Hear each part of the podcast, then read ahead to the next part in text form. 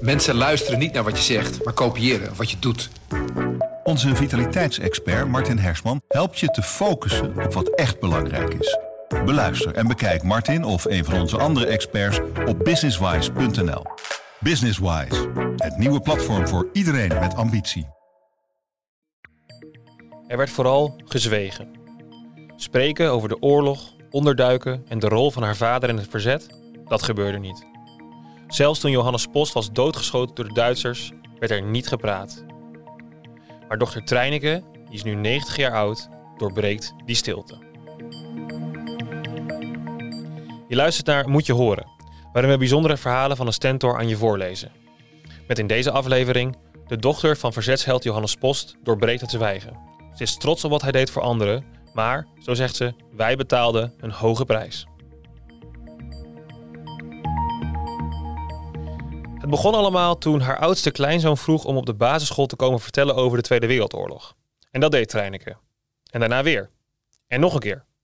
Ze zegt daarover: Bij vrijwel al mijn kleinkinderen ben ik in de klas geweest om te vertellen over de oorlog, vluchten en het verzet. Want het is zo herkenbaar en het is makkelijk te vertalen naar deze tijd, vindt ze.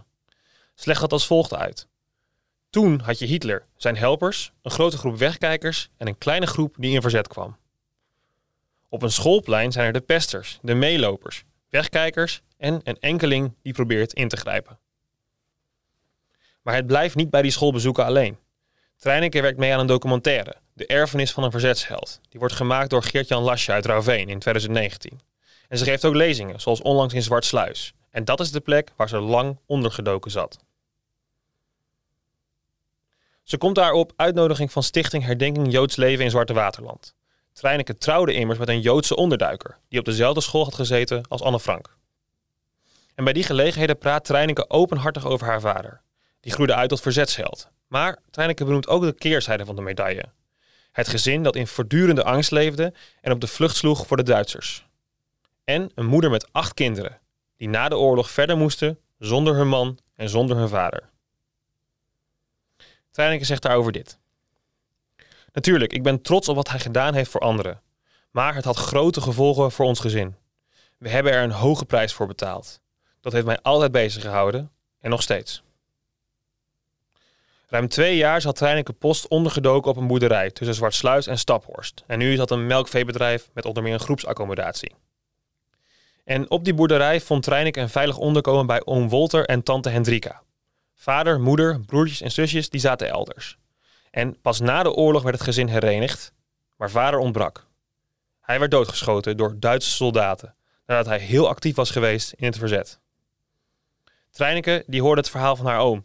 Ze huilde heel even en toen ging het leven verder. Het mag dan 80 jaar geleden zijn inmiddels. Treineke heeft de dag dat ze moest vluchten nog haarscherp op het netvlies staan. Ze vertelt het zo. Het kwam zo plotseling. Mijn vader wist te ontsnappen nadat hij was opgepakt. Daarom was het voor het gezin niet veilig om op de boerderij in Nieuwlanden te blijven. Hals over kop gaan ze weg, uit angst voor wraak van de Duitsers. Haar tante haalt haar op uit school en neemt haar mee. De boerderij tussen Zwartsluis en Staphorst stond ver weg van de bewoonde wereld. Het was lange tijd een veilige plek, ook al sympathiseerde oom Wolter Post met het verzet. Treineke vertelt daarover er waren nog twee onderduikers. En achter een schuine kant van een slaapkamer lagen wapens van verzetsmensen uit Meppel verstopt. Mijn oom en tante verzorgden me als hun eigen dochter. Maar ik voelde me doodongelukkig. Want ik wist dat mijn vader en moeder gevaar liepen. Uiteraard, ik miste ze enorm. Maar met mijn gevoelens werd geen rekening gehouden. Een paar keer komen haar vader en moeder op bezoek. Maar dat was altijd van korte duur. Trainingen kreeg tyfus. En haar moeder, die was ook actief in het verzet, die heeft haar toen een tijdje verpleegd.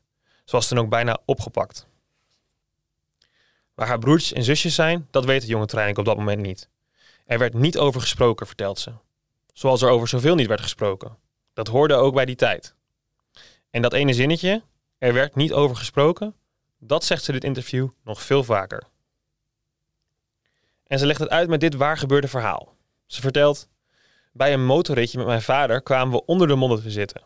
Hij zei: Ik zal je een geheimpje leren bewaren. Hier mag je nooit met iemand over praten. En dat deed je dan ook niet. Toen mijn vader in het verzet ging, zwegen we. Praten was gevaarlijk, werd ons steeds gezegd. Voor Treineke betekent onderduiken trouwens niet dat ze geen vrijheid heeft. Ze vertelt daarover het volgende. Ik speelde buiten in de natuur en ging naar school in Zwartsluis. Daar keken ze niet gek op dat er ineens een nieuw meisje in de klas kwam. En dat gebeurde wel vaker. Kinderen van schippers die in Zwartsluis slagen, zaten ook voor kortere of langere tijd op school. Eerst liep ik naar Baarlo en nadat ik met een roeiboot het Meppeler diep was overgezet, nam ik de bus naar Zwartsluis, samen met een ander meisje uit de buurt. Tegen het einde van de oorlog hebben we nog een tijdje bij die familie van der Sluis ondergedoken gezeten. De boerderij van mijn oom en tante werd in de gaten gehouden door de Duitsers en was niet veilig genoeg meer. Na de oorlog wonen ze nog korte tijd in Nieuwlanden. En daarna vertrekt het gezin naar Rijnsburg, waar de broer van Johannes Post predikant was. Tijneke zegt, het leven ging gewoon door. Zo afgestomd waren we na twee jaar onderduiken. Praten over haar gevoelens met haar moeder, en die was eveneens verzetsvrouw, al helemaal niet, vertelt Treineke. Maar ik moet haar wel een groot compliment maken. Ze is er wel in geslaagd een gezin van te maken, ook zonder vader. Gelukkig komt er nu een boek over vrouwen in het verzet. Dat is altijd onderbelicht gebleven. Mijn vader is op een voetstuk geplaatst, mijn moeder niet. We hebben onze plicht gedaan, zei ze altijd. En dan nog even dit, want wie was Johannes Post eigenlijk? Nou, de vader van Treineke, Johannes Post, was boer en wethouder in Nieuwlanden. Hij ging het verzet in en hij bracht onder meer joden in veiligheid, vervalste persoonsbewijzen en hij was betrokken bij het stelen van distributiebonnen. Hij werd twee keer opgepakt. In de eerste keer dat hij werd opgepakt ontsnapte hij. De tweede keer was na een verraden bevrijdingsactie van verzetsmensen in het Amsterdamse Huis van Bewaring in de Weteringschans. En dat moest hij met de dood bekopen. Op 16 juli 1944 werd hij op 37-jarige leeftijd gefusilleerd in de duinen bij Overveen. Na de oorlog werd hij herbegraven op de erebegraafplaats Bloemendaal. Naar Johannes Post, die postuum ook vele onderscheidingen kreeg, zijn straten, scholen en pleinen vernoemd. Ook het Verzetsmuseum in Ridderkerk en de kazerne in Havelte dragen zijn naam.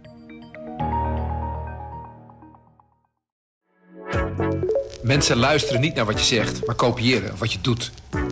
Onze vitaliteitsexpert Martin Hersman helpt je te focussen op wat echt belangrijk is. Beluister en bekijk Martin of een van onze andere experts op businesswise.nl. Businesswise, het nieuwe platform voor iedereen met ambitie.